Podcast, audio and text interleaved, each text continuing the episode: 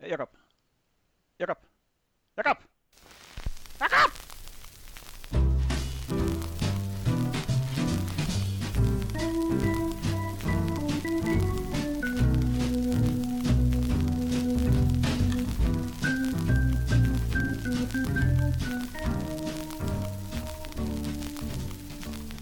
Välkomna till Cocktailpodden, en podcast om cocktails. Jag heter Daniel. Och jag heter precis som alla andra dagar Jakob. Mycket bra.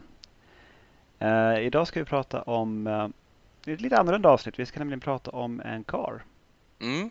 Nämligen The King of Cocktails. Också kallad 1900-talets viktigaste bartender. Ja, det kan jag tänka mig. The King of Cocktails tror jag att många eh, aspirerar på. Det är väldigt i alla fall många som har Cocktail King eller The Cocktail Sage eller eh, The Tsar of, of drinks. Tsar är mera sällsynt men, men jo, det finns säkert någon som kallar sig för det också. Men eh, han är på något vis ansvarig för att ha skapat det Cocktail London eller lagt grunden för det Cocktail London som vi nu älskar att besöka. Mm. Alltså den, den kulturen man har kring cocktails där som inte fanns innan han satte igång med sin gärning. Eh, han har också givetvis nämnt i den här podden eh, flertalet gånger. Liksom hans eh, kreationer, i alla fall ett par av dem. Vi kommer väl att fördjupas lite grann i hans kreationer i det här avsnittet. Precis. Det är nämligen Dick Bradsell. Du hade hela hans fulla namn framför dig där, det har inte jag skrivit ner. Ja, det är väl Richard Arthur inom citationstecken Dick Bradsell. Eh, lite bara väldigt kort om honom. Han växte upp på Isle of Wight som är en av öarna som hör till eh, United Kingdom. Och var väl lite av en festprisse på Isle of Wight. och hade, hade lite fester några stycken i sitt föräldrahem. Och eh, han ska vid åtminstone två tillfällen ha festat sönder eh, föräldrahemmet.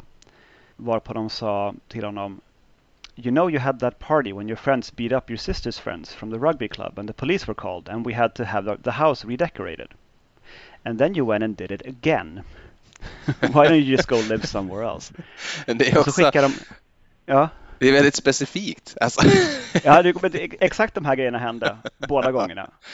Eh, uh, okay, så då, då, skickade hans föräldrar honom till London till sin farbror uh, som var flottofficer, officer vid flottan på något vis.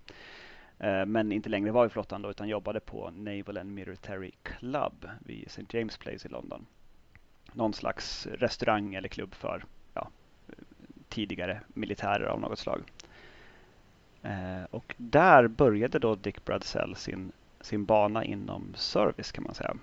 Där eh, med, med hans egna ord så fick han göra allt möjligt. Alltså han var i någon form av reception, han hade hand om frukostar, han fixade saker typ med eh, rörmokeri och köket och grejade. Allt man kan göra i en, en byggnad där man serverar folk. Men därifrån sen så fick han jobb på Zanzibar Club. Det känns som att barer och klubbar hade lite häftigare namn på den tiden. Ja, det kan jag hålla med om. Zanzibar Club är ju det är fantastiskt. Vad, heter, vad heter stället nu? Typ Tjoget? Inget fel på Tjoget och inget fel på Airlands, men Zanzibar Club har ju en, eh, ett svung. Ja, fast jag tycker att Airlands har det också. Det målar upp någon, en väldigt trevlig bild av en, en kar med sådana här mocka-tussar på på armbågarna på sin tweedkavaj. Det, det är Erlands. Eller kanske inte ens tweedkavaj utan han har typ en manchesterkavaj med eh, sådana här mocka rutor eller mocka, du vet sådana man sätter på armbågarna. Ja, man har sin Absolut. kavaj på sig så mycket vid sitt skrivbordsjobb att man inte vill nöta ut armbågarna.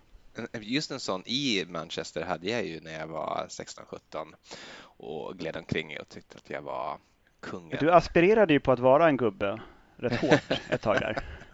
Inget fel med det förstås. Och snart är det ju liksom ändå med ålderns rätt eh, kan det faktiskt vara en, en gubbe. Mm. Det blir ju skönt att få komma hem då på det sättet. Växa i sin kropp på något vis. Exakt. Låta kroppen växa i själen. ja, hur som helst. Dick Bradsell, um, han dog ju för inte så länge sedan. Det var ju 2016. Mm. vid eh, den sköra åldern av 56 år. Så det är, ju- han har varit inte så gammal tyvärr. Men han var ju aktiv ända in, ända in i det sista och eh, skapade även nya cocktails eh, in på 2010-talet. Men det är ju några där som har gjort honom till en, en riktig, alltså, alltså att det är så urbota klassiskt. Och det har vi nämnt The Bramble tidigare i Cocktailpodden. Mm. Och även Espresso Martini. Just det. Får jag säga någonting om eh, Bramble? Ja, om, om du inte har den som en av dina drinkar ikväll. Det har jag inte gjort, nej. Vi har gjort den förut. Mm, precis. Jag kan ju ändå bara lite kort dra hur man gör den då. Det är ju en, en björnbärsbaserad drink som man ska dricka i ett eh, rocksglas fullt med krossad is. Och det var det ju två shot gin, en shot med eh, citronjuice, en halv shot eh, sockerlag och en halv shot med crème de mure, eller hur ska det uttalas? Crème de mure. ja, du. Ungefär så. Någon sorts eh, eh, björnbärslikör som man liksom ska sila över så att det rinner ner lite snyggt i den här krossade isen. Men det här har ju blivit en eh, sann klassiker sen det här. Om du googlar på Bramble så kommer du inte hitta Dick Bradsells eh, namn utan du kommer bara hitta en miljon olika människor som har olika recept på den här drinken. Och han har sagt eh, någonting som jag tycker är typ ganska roligt angående den här, eh, angående den här kreationen. Eh, och eh, så här eh, skrev han eh, år 2001 i någon tidning eh, som han tydligen skrev för, Dick Bradsell alltså. The best backhanded compliment I have ever received was from a French bartender who flatly refused to believe I had invented the bramble. In his world, it was far too well known a drink for somebody like me to have created it. How sort of proud I was. I was even prouder recently to find it on the menu amongst the classic cocktails of one of Raymond Blanc's country house restaurants. Hey, I invented a classic. Do I have to retire now? Ja, det är fint faktiskt. Jag har också sett någonstans att han har fått en fråga i någon tidningsartikel om huruvida den ska byggas eller skakas.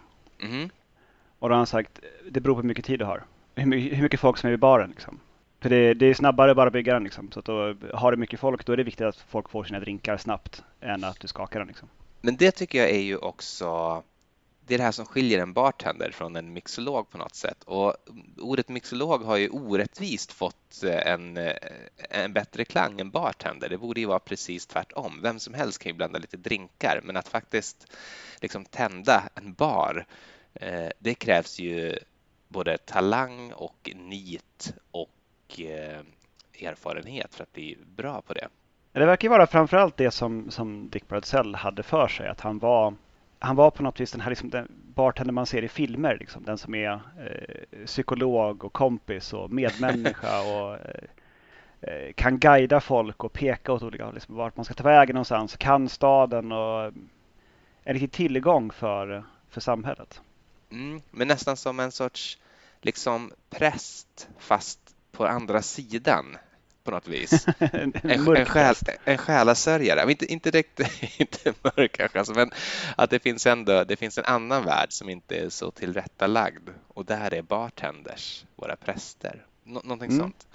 Jag hittade ett kul exempel på, det var en bartender som hette Jake Berger eh, som numera jobbar på eh, ett ginföretag. Eh, när han skulle komma ihåg eh, Dick Bradsell så eh, har han hjälpt honom lite grann i början av hans karriär. Men så var han också och drack på en eh, tequila-bar som Dick Bradsell jobbade på som heter El Camion i, eh, i London. Mm. Och eh, Jake var väldigt, väldigt full. Eh, I baren satt en väldigt otrevlig, ganska stor kar och liksom som alla störde sig på. Han var liksom otrevlig och hade nerhasade byxor liksom så att man såg the, the plumbers crack. Eh, och då hade den här eh, Jake Berger lagt sitt business card ner i, i the crack. Utan att den här karln hade märkt det. När han väl upptäckte det sen så plockade fram det här kortet liksom på överallen. Liksom, och, vem, vem är den här Jake? Och då liksom så här, utan liksom att ens, ens tappa ett hjärtslag liksom, så Dick "Eh, Jake, nej, han gick för länge sedan. Och bara Som liksom undviker liksom en, en, en, en otrevlig situation som hade kunnat uppstå annars med den här stackars Jake. men det kanske ligger någonting där med, jag vet inte, kärlek börjar alltid med bråk och om Dick Bradsell började som världens sämsta värd som två gånger i rad förstörde sina föräldrars hus. Jag kan tänka mig att de där festerna ändå var ganska kul att vara på. Ja. För de andra kidsen på Isle of Wight, liksom. hur, mycket, hur mycket kul kan man ha på Isle of Wight? Säger jag som aldrig varit där. Men jag kan tänka mig att det är liksom typ som Rimbo fast på en ö. Ja, det kanske, det kanske är det. Det kan, man, det kan man tänka sig. Nej, men det är klart, det ligger någonting i det. Att, att för sina gäster var han säkert en strålande värd, bara inte för, ehm, för, för det riktiga värdfolket så att säga. Nej, precis. Men de var inte på plats när det hände. Så att... Men hur som helst, vad... det finns ju väldigt många drinkar som han har gjort och det, det som slår mig är att de är väldigt välbalanserade och det är ju just hans grej. Men de är också väldigt... För han verkade ju på 80 och 90-talet framför allt. Det är många av hans drinkar som kommer från den tiden. Mm. Och det här var ju en tid när det var väldigt mycket teenies. Just det. Eh, så det är olika typer av eh, vodkadrinkar i många fall som är smaksatta på olika sätt. Eh, eller bara har något teenie-namn. En sak som vi har provat i veckan är en Julep Martini. Ja, spännande. Som är alltså en, en kort variant av en, en Mint Julep. Så det, det är myntablad och sen skakar man det med bourbon och sockersirap så kan man ju måtta dem ungefär som man vill.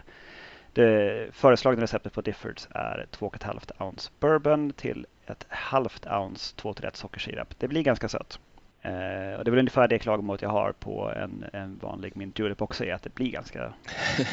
det blir lite väl mycket socker. Så där hade jag nog velat eh, ta ner den lite grann. Det är lite mitt eh, klagomål på de drinkar jag har gjort av honom generellt. Jag tror inte att det kanske är hans fel så mycket som tidsandan när de här recepten kom till. Men eh, ja, for, for, fortsätt. Mm. Men jag har gjort en, en annan här som eh, jag smakade på precis innan vi satte igång inspelningen och det är en Leninade. Mm. Som väl heter så för att det är vodka i den. Eh, citronvodka i det här fallet. Citronvodka, triple sec, eh, citron, juice och sockersirap. Och sen en skakad och eh, dubbelsidad till ett cocktailglas. Um, det här skapade han på den första egna puben han hade eh, på 80-talet som heter Freds. Just det. Klassisk tror jag åtminstone. Jag tycker den återkommer ofta i, i text. det, det låter klassiskt. Ja. ja. Uh, Difford, uh, Simon Difford från Diffords Guide som jag tror den vakna lyssnaren har hört nämnas någon gång i den här cocktailpodden. Uh, har också gjort en egen variant av den. Det är också den man hittar först när man söker på den. Mm. Och då hade han tolkat den, att den heter Leninade. Han tänkte att då ska det liksom, det var någon gäst som hade sagt att den, det, det, ska vara en röd drink. Så då har han gjort en, en lång variant. Han har toppat det med sodavatten och bytt ut sockersirap mot grenadin för att få en röd Lenin-drink. Ja. Det har jag inte provat, men jag tycker att den här ändå var väldigt... Eh, alltså, det blir väldigt citronigt på ett behagligt sätt. Och eh, Cointreau jag tycker den är väldigt, väldigt välbalanserad i form av syra och sötma. Och väldigt fruktig och god. Så den, absolut, den gillar jag. Jag har också en Tini faktiskt eh, bland mina drinkar, nämligen Detroit Martini. Ah, just det. För efter, det, var, det var en bar som hette Detroit som låg i London. Där han också jobbade. Det var förvirrande för jag tänkte, va? Var han över i USA och jobbade? Men nej, nej. Men det var, baren hette någonting med Detroit. Ah, okej. Okay. Det har jag faktiskt ingen koll på, men det stämmer säkert. Det här är en, eh, en chockerande vodka-intensiv eh, eh cocktail kan jag säga. Eh, det, det, är vodka, det är lime och det är mynta och lite socker. Och eh, du börjar med att ta sju stycken myntablad, färska naturligtvis, inte torkade, och lägg dem i botten på din shaker. Häll därefter på 9 centiliter vodka. Så, Tack. Näst, nästan en deciliter vodka. Eller tre shots med vodka om man föredrar det. Eh, därefter eh, 15 milliliter med sockersirap och eh, 3,8 milliliter med limejuice. Det var en liten märklig eh, angivelse i slutet och det är för att originalreceptet säger en åttondels shot med limejuice. Så i den här omräkningen så blir det 3,8. Men vi kan säga 4 milliliter lika gärna. Jag, jag tror att det funkar. Eh, jag skulle säga att man till och med kan dra till med 5 för att eh, den här är god men den är lite för den är lite obalanserad. Den är lite för söt och lite för lite syre i den. Men frisk. Myntan kommer fram väldigt väl men eh, ja, jag, jag, skulle vilja haft lite mer lime och lite mindre socker. Men eh, den är, eh, ja, det, här, det här skulle kunna liksom vara en klassiker tycker jag också. Det är inte liksom en av dem som man hör ofta eh, som Dick Bradsell ligger bakom, åtminstone inte jag. Den kanske är eh, allmänt, mer allmänt förekommande i London, det vågar jag inte säga. Men den har, den är, liksom, den är enkel och, eh, att göra, enkel att komma ihåg. Eh, och jag tror också att det är en typisk sån här drink som man kan mixa lite grann med proportionerna och ändå kalla den för samma sak. Det är liksom inte, det är inte så, eh, så noga, vilket ju är the hallmark av ett bra recept. Ja, verkar gå också igen i många av hans recept. Att de är, vad var det du kallade dem i en tidigare avsnitt på den? Robusta. Robusta. Ja, det är inte mitt ord från början utan det kommer jag faktiskt inte ihåg. Undrar om det är Alice Lessell som pratar om robusta recept. Eh, jag tror inte hon gör det i samband med just Dick Bradsell. Är det Ten Cocktails-boken eller? Ja, men precis. Eh, för övrigt alltjämt en av de bästa cocktailböckerna jag läst. Den är, den är faktiskt otroligt läsvärd. Också väldigt eh, rolig hela tiden. Hon är väldigt eh, hon är flyhänt med pennan. Um, jag har gjort någonting som jag aldrig hört talas om innan jag började forska i, i, i Dick Bradsell. Uh, vare sig själva cocktailen eller det den är uppkallad efter. Nämligen treacle. Oj. Vilket låter som typ någon slags inre organ på engelska. Jag tänker en sån här uh, en sorts labbutrustning. Ja, jo men alltså någonting. Men det är tydligen treacle är eh, någon form av baksirap. Jaha. Alltså någon mörk sirap-liknande historia som man använder i, i engelsk bakning. Får jag det till i alla fall. Efter en eh, inte fullt uttömmande sökning på nätet. Hur som helst, drinken Treacle, um, uh, det är Smith Cross jamaicansk rom. Så mm. Väldigt så romrussinig, eh, kraftig, mycket vad man kallar för funk. Men är den lagrad eller ljus? Den är, den är lagrad. Och väldigt, väldigt, alltså ska man säga, det, det är väldigt så här romrussin, som, som man beskriver det. Liksom. Det, mm. det är en, en, väldigt potent rom. Sen är det sockersirap och angostura och sen så rör man det med is i serveringsglaset. Och sen så toppar man med en float av klar äppeljuice. Alltså inte något eh, liksom, eh, så här färskpressat, grumligt, tjusigt så, utan det ska vara klassiskt gammaldags. Jag köpte till och med en sån här liten, en eh, sån en och en halv deciliters tetragrej som man blandar ut med fyra. Ja, en sån, en sån jo, eller vad de heter. Ja, men typ. Någonting sånt. Ja, härligt. Eh, för att få riktigt den här klassiska stilen. som på 80-talet eller början på 90-talet. Exakt, och det här är väldigt gott. Det, det är en riktig... Eh, alltså, rommen i sig är ju så kraftig att den, den är svår liksom att komma runt. Mm. För att man men det är som en, ja, som en lite, lite förlängd rum old fashion skulle man kunna säga. Mm. Äpplet försvinner lite grann i det eller på något vis går upp i, i rommen.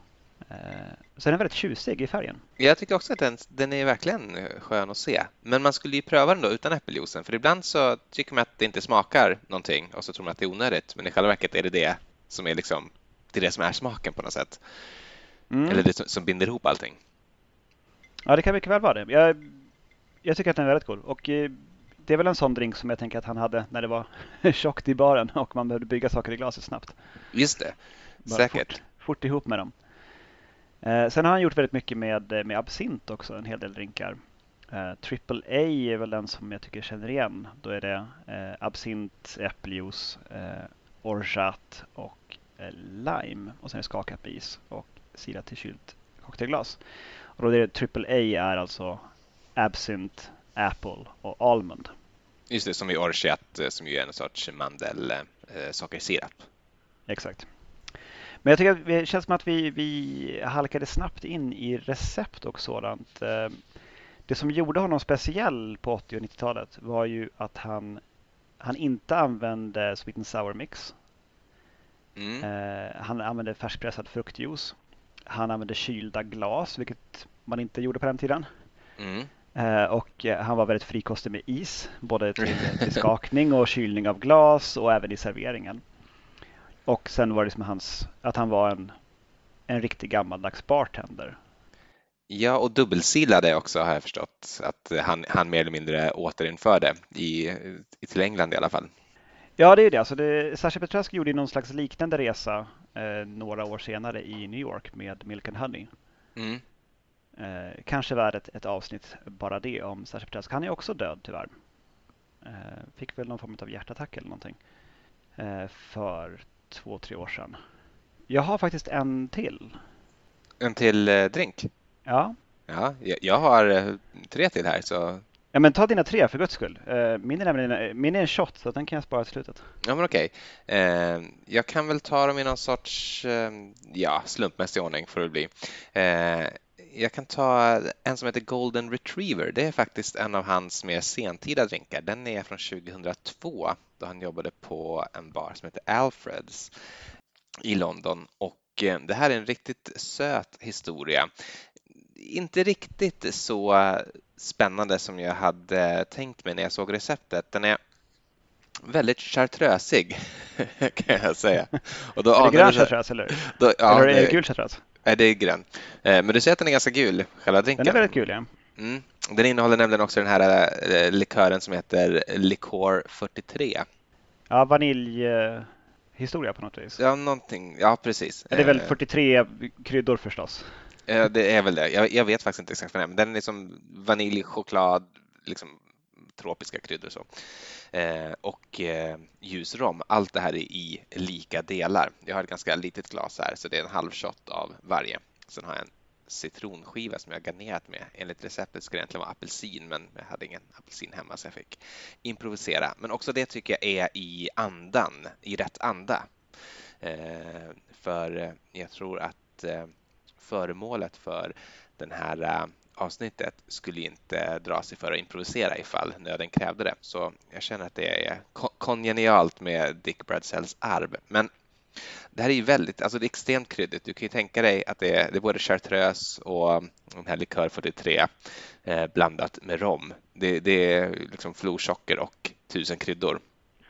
Alltså det är, det, är inte, det är inte så dåligt, det är bara lite för sött. Man kanske skulle haft eh, dubbla mängden rom hade jag kunnat tänka mig att det här var bättre och kanske någon liten så här skvätt eh, citron eller lime eller varför inte en knivsudd vinäger om man ska vara lite originell. Så du har verkligen stött på inte höjdarna i samlingen alltså? Ja, men jag har två stycken nu riktiga höjdare så att nej, men även Detroit Martini var god alltså. Den var bara li, lite mm. för söt. Men det, det tycker jag var en höjdare. Den här var nog den som jag tyckte minst om egentligen. Jo, jag kan väl ta nästa då som ju är en faktiskt en riktig, riktig, riktig klassiker, framförallt i Storbritannien. Eh, den har vi aldrig pratat om i podden, tror jag i alla fall. Men att det här är en klassiker, det kan man också förstå om man googlar den eftersom det återigen då kommer upp sida efter sida efter sida som har sitt eget recept av den här drinken om man googlar en liksom okänd drink, då får man upp Diffords. Så är det för mig i alla fall. Men om man googlar någonting som är allmängods, då får man ju massa, massa sidor. Och det här är en sån. Den heter Russian Spring Punch. Mm, den har jag sett i mina forskningar också. Mm, och det är ju en väldigt väldigt eh, hallonintensiv eh, drink som ju också knyter an lite grann till föregående avsnitt för den ska nämligen toppas med champagne. Det är ganska mycket ingredienser överhuvudtaget eh, jag kan dra receptet. Det här ska serveras i ett slingglas egentligen. Jag har tyvärr inget sånt riktigt så jag har tagit ett lite större rocksglas bara. Men ett slingglas fullt med krossad is kan du förbereda först då. Sen så trycker du ner sju stycken hallon i din shaker. Kan muddla dem lite grann om du vill. Det står inte att man ska göra det men jag gjorde det och jag tror att det, det är nog bra. Eh, en och en halv shot eh, vodka en fjärdedels shot eh, crème de framboise eller helt enkelt då en sorts hallonlikör. Jag använde eh, Chambord för det är den jag har hemma helt enkelt. Eh, det har varit väldigt bra tycker jag. Eh, en fjärdedels shot eh, crème de cassis. Eh, tre fjärdedels shot av citronjuice och en fjärdedels shot med eh, sockerlag. Och sen så häll det då i det här slingglaset fullt med krossad is, toppa med champagne och garnera med citronskiva och eh, hallon eller andra bär som är i säsong. Det här är, det här är en 5 plus drink skulle jag säga. Den är, den är perfekt balanserad. Den är frisk, syrlig, fruktig, bubblig. Den har allting. Just nu har, nu har den stått ett tag, så nu är den inte lika vacker som den var från början. Så att den börjar bli lite utspädd. Men jag skulle säga att det här är en, det här är en drink för framtiden. Det här, det här är nog 2019 års stora sommardrink om jag får... Redan nu, så kom ihåg gott folk var ni hörde det först någonstans. Och eh, jag tror som sagt att det här är eh, en ganska allmängods i eh, Storbritannien. Så också en sån riktig eh, legacy-drink. Då. Den ska ha kommit till när två stycken eh, vänner till Dick Bradsell skulle gifta sig. Eh, det här var ett eh, eh två män då. Eh, och han var ju barvärden, det här är på 80-talet så det var väl fortfarande lite så inte vet jag, edgy kanske, eller vad man ska säga. Eh, men två män som skulle gifta sig i alla fall som var goda vänner med Drick Bedsell och de ville att han skulle eh, göra drinkar. Men det fanns ett problem. De hade inga pengar. De hade inga pengar att köpa sprit för. Åh oh, nej! eh, för det här var i början av deras karriärer. Jag tror att de sedermera bägge två blev tämligen eh, berömda och rika. Men eh, på den här tiden så var de fortfarande unga och vackra och framförallt fattiga. Men då löste Dick det på det här sättet att ja, men skriv i, i inbjudan till bröllopsfesten att alla ska ta med sig eh, en mousserande vin. Och liksom, vill de ha bra drinkar då får de köpa bra mousserande och vill de inte tycka det är så viktigt så kan de köpa dolt mousserande. Eh, och eh, så får man liksom full tillgång till den här basen då, den som är liksom de här sex första ingredienserna helt enkelt som man har i shaken i ett glas och så får man då liksom fylla på med sin egen eh, flaska eh, så länge det räcker. Eh, och tydligen så räckte det ganska länge. Många vart eh, ofattbart fulla enligt legender och, och, och trillade ner för trappan och gjorde sill och så. Men samtidigt var det liksom den, den bästa kvällen på hela 80-talet för halva London. Så, så att, det, det gick ja. bra. Och det här Inte helt tog... olikt vi två under champagneavsnittet alltså? Ja, precis. Och han tog väl tillbaka den här drinken sen till Zanzibar just eh, Zanzibar Club och började servera den där och eh, sen så har den liksom spridit sig över hela staden och över hela landet och nu också till Sverige genom Cocktailpodden. Men som sagt, det här är en, det här är en 5 plus-drink tycker jag. Den är ja, men, fantastiskt bra. Men man ska, i och för sig i likhet med de flesta drinkar, man ska dricka den kvickt eh, innan den blir flat. Så jag tjuvsmakade förstås innan avsnittet började så att jag kan med säkerhet säga att då var den perfekt. Nu, nu är den lite, lite platt tyvärr, men fortfarande god. Ja, eh, han har gjort någon French Spring Punch också som bara är någon slags variant åt sidan från. Ja, vad är det då? Är det konjak? Det är konjak eller? Ja. ja, just det. Ja, det kunde man ju ana. Eh, Russian är ju förstås för att det är vodka och, och vodka är det förstås därför att eh, det var bara vodka man eh, drack på den tiden. Ja, och det kanske var billigt till bröllopet tänker jag. Ja, det kan man ju tänka sig också i och för sig det, det är en, en, sprit som ofta går att få tag på till ett bra pris. Okej, den sista då, det är en drink som vi har pratat om många, många gånger. Eh, men det här är originalet. Vi har ju pratat om espresso martini eh, både en och annan gång som ju också är ett Dick Bradsell-recept. Men den började faktiskt under ett annat namn och ett lite annat recept, nämligen vodka espresso. Och en espresso martini är ju som alla säkert redan vet eh, en eh, drink som serveras i ett martiniglas och utan is. Men en vodka espresso, alltså originalet, det ska man ha i ett rocksglas fullt med is. Eh, och det innehåller en och två tredjedelars shot med vodka, eh, två tredjedelars shot kaffelikör och jag har haft Kahlua. Eh, men man kan säkert använda andra om man vill det också. En och en halv shot eh, espresso och då står det på Diffords guide att det ska vara nybryggt och hett eller liksom nygjort och hett. Jag är ju mer av den skolan att man ska ha gammalt kaffe som är kallt. Eh, dels för att inte isen ska smälta lika mycket och dels för att det blir precis lika bra skum när man skakar i alla fall. Eh, och slutligen då, en liten, liten, liten, liten skvätt eh, sockersirap. Vi kan säga sockersirap efter, efter behov. I Diffords så rekommenderar de en sjättedels shot, men det kan man det kan man ta så mycket eller lite som man vill, men inte för mycket, då blir det för sött. Det här ska då skakas och skakas ganska rejält för att man ska få det här fina skummet. Sen häller man på det i glaset och toppar med några små kaffebönor om man har det. Annars så behöver man inte toppa med någonting alls. Det beror på hur mycket folk det är i baren, återigen. Precis. Är det mycket folk, alla vill ha sina drinkar snabbt, då kan nog folk undvara att det inte ligger tre kaffebönor på. Ja. Och eh, som du ser här så har, eh, har isen börjat smälta och skummet försvunnit för den här har också stått nu i kanske en timme och väntat på att jag ska smaka den så att Ja, den är fortfarande god, men lite vattnig nu då. Men jag vet ju av erfarenhet att det här är en av, en av världens bästa drinkar, världens bästa recept, som man heller inte liksom riktigt kan misslyckas med. Eh, åtminstone inte då om man dricker den omedelbart. Nu är den lite vattnig. Eh, den här har ju också en sån ganska klassisk eh, eh, tillkomsthistoria. Vi har väl pratat om det redan i podden tror jag, så vi kanske inte ska uppehålla jo, oss där. Ska vi göra det?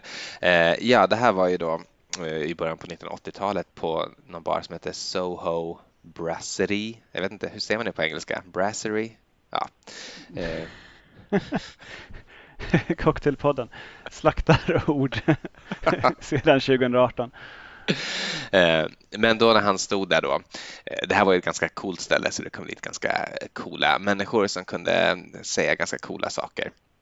Och en kväll så kommer det in en eh, känd modell vars namn tyvärr har fallit mig i minnet. Och, men som i alla fall var då liksom i the it crowd på den tiden. Och det är väl sent, hon har väl jobbat hela dagen och Eh, är trött men samtidigt eh, sugen på att festa. Så hon säger då till Dick Bradsell som står i baren uh, Hey, I want something that fucks me up, wakes me up and fucks me up. Uh, och uh, då kom han på den här helt enkelt. Och, och kaffet då skulle väcka henne och vodkan förstöra henne. Det är väl det som är eh, poängen då. Men eh, att det var just kaffe berodde som jag förstått det på att en kaffemaskin som de hade där i baren hade gått sönder så det låg så kaffepulver liksom över hela bardisken. Det liksom bara rann ut den där hela tiden så som han själv beskrev det att coffee was very much on my mind and vodka was the only thing that people drank back then. Så det var liksom därför det var vodka också då. Mm. Eh, men så han svängde ihop den här och eh, ja. Det... Men hur gjorde han kaffet då? Eh, ja du. det, det han, kan, var... säga, han hade just lagat kaffemaskinen. Ja, vi kan säga. Eller, eller så var det väl så att kaffet Alltså kaffemaskinen var väl trasig på så sätt att det läckte ut kaffe, men det kanske fortfarande gick att göra kaffe i den. Då. Vi kanske inte ska fördjupa oss i det. Men just det här Wake Me Up, Fuck Me Up har blivit något av ett, ett liksom känt säg sen efter det som man, som man har hört lite då och då. Och då 2016 när han eh, dog så eh, har jag faktiskt sett på Twitter folk som har postat filmer eh, där någon sorts spontana gatufester där eh, man liksom dricker espresso martinis och folk står och chantar i kör Wake me up, fuck me up, wake me up, fuck me up och dricker, dricker espresso martinis som en, en hyllning då till Dick Bretzell. Så det här har, eh, det här har satt sig i, eh, i eh, eh, drinkarnas eh, liksom undermedvetna på något sätt. Det, det, det, det är en klassiker helt enkelt. Mm. Han gjorde också en till variant av samma grej. Det var lite grann hans, hans, hans, hans, bästa verktyg på något vis. Men han var ju på en, en, en bar som heter Pharmacy. Mm. Och då gjorde de en pharmaceutical stimulant. Mm. Som också är en, en liksom old fashion glas variant utav en espresso martini. Det är Eh, två ounce eh, vodka, ett halvt ounce kaffelikör, ett fjärdedels ounce sockersirap 2 till 1 och ett och ett fjärdedels ounce eh, hett och nybryggt espressokaffe. Mm. Eller enligt Jakobs devis, eh, kaffet från igår typ. det, det, funkar bra också. Det behöver inte ens vara espresso. Och det ska då serveras eh, in, antingen i ett Old Fashion-glas men mm. helst mm. i en Medical Cup. Och då på bilden eh, på, på Difford så finns det också en, en medicine cup, så det är en sån med milliliter-grej på sidan så man ska typ ta sin, sin medicin ur. Mm, så där. Mm. It's the drink that keeps on giving. Eh, och den finns ju för övrigt i massa olika varianter också. Vi talade ju i kaffeavsnittet mycket om den. Vad, vad, vad var det då? Då hade jag en Flying Frenchman som är en eh, en eh, espresso martini med absint istället för vodka och du hade väl en eh, coffee daiquiri, hette den så? Espresso daiquiri tror jag. Espresso daiquiri, just mm, det. Mm, allt annat lika fast med rom istället för vodka. Och sådär. Så det där är också, det är ju en drink som har eh, börjat leva sitt eget liv och det måste väl nästan vara det liksom bästa beröm man kan få. Ja, och det, han var ju medveten om det här också, Dick Bradsell själv. För i en intervju några år innan han gick bort så eh, pratade han just om det. Liksom att, eh, det, är ju, det är ju glädjande. Han har varit inne i någon bar och då var det liksom, hade de 14-15 varianter utav espresso martini i den baren bara. Han Mm. tyckte han ändå var liksom, han tyckte det var rätt fint. Men jag har också sett liksom i andra sådana här, när man skrivit dödsrunor om honom och sett liksom det att ja, alltså till slut blev det så illa att han inte liksom kunde röra sig på någon bar utan att någon aspirerande ung bartender i hängslen skulle försöka pracka på honom sin variant av en espresso martini. Han han fick ju aldrig dricka någonting annat stackaren. Nej, det är ju på något sätt, eh, det är ju Midasmyten nästan, är det inte det? Allting han rör blir till en espresso martini. Ja, och det blir till slut hans förbannelse också. Till slut, till slut måste han liksom äta den här espresso martinen. Men om du eh, skulle välja en cocktail att bara dricka resten av ditt liv, Jakob. Mm. Alltså, du, du kan ju få ett sämre resultat än om du tar en espresso martini. Den har ju det mesta. Eh, Den har ju kaffe och den har ju martini. Så Precis. Vad mer behöver man? Det är, det är både frukost och eh, en aftondrink. Eh, Det sista jag har för dagen det är en, en shot som det tog mig längre tid att lista ut varför den heter som den gör än vad jag är stolt över. Det, okej. det, är- det är en Snood Murdican Okej. eh, som är döpt efter en Mumin-karaktär som spelar flöjt, står det i, eh, i texterna om den här. Snood Murdican. Exakt. Det, jag började googla på Snood Murdican och Moomin och bara, det, får bara upp det här receptet. um, alltså, Snusmumriken heter tydligen Snufkin på engelska. Okej. Men jo, det, det är snusmumriken som, som syftas till här. Och det var, hade han skapat på sent 90-tal för en någon Karin Wiklund. Är det namnet bekant? Eller?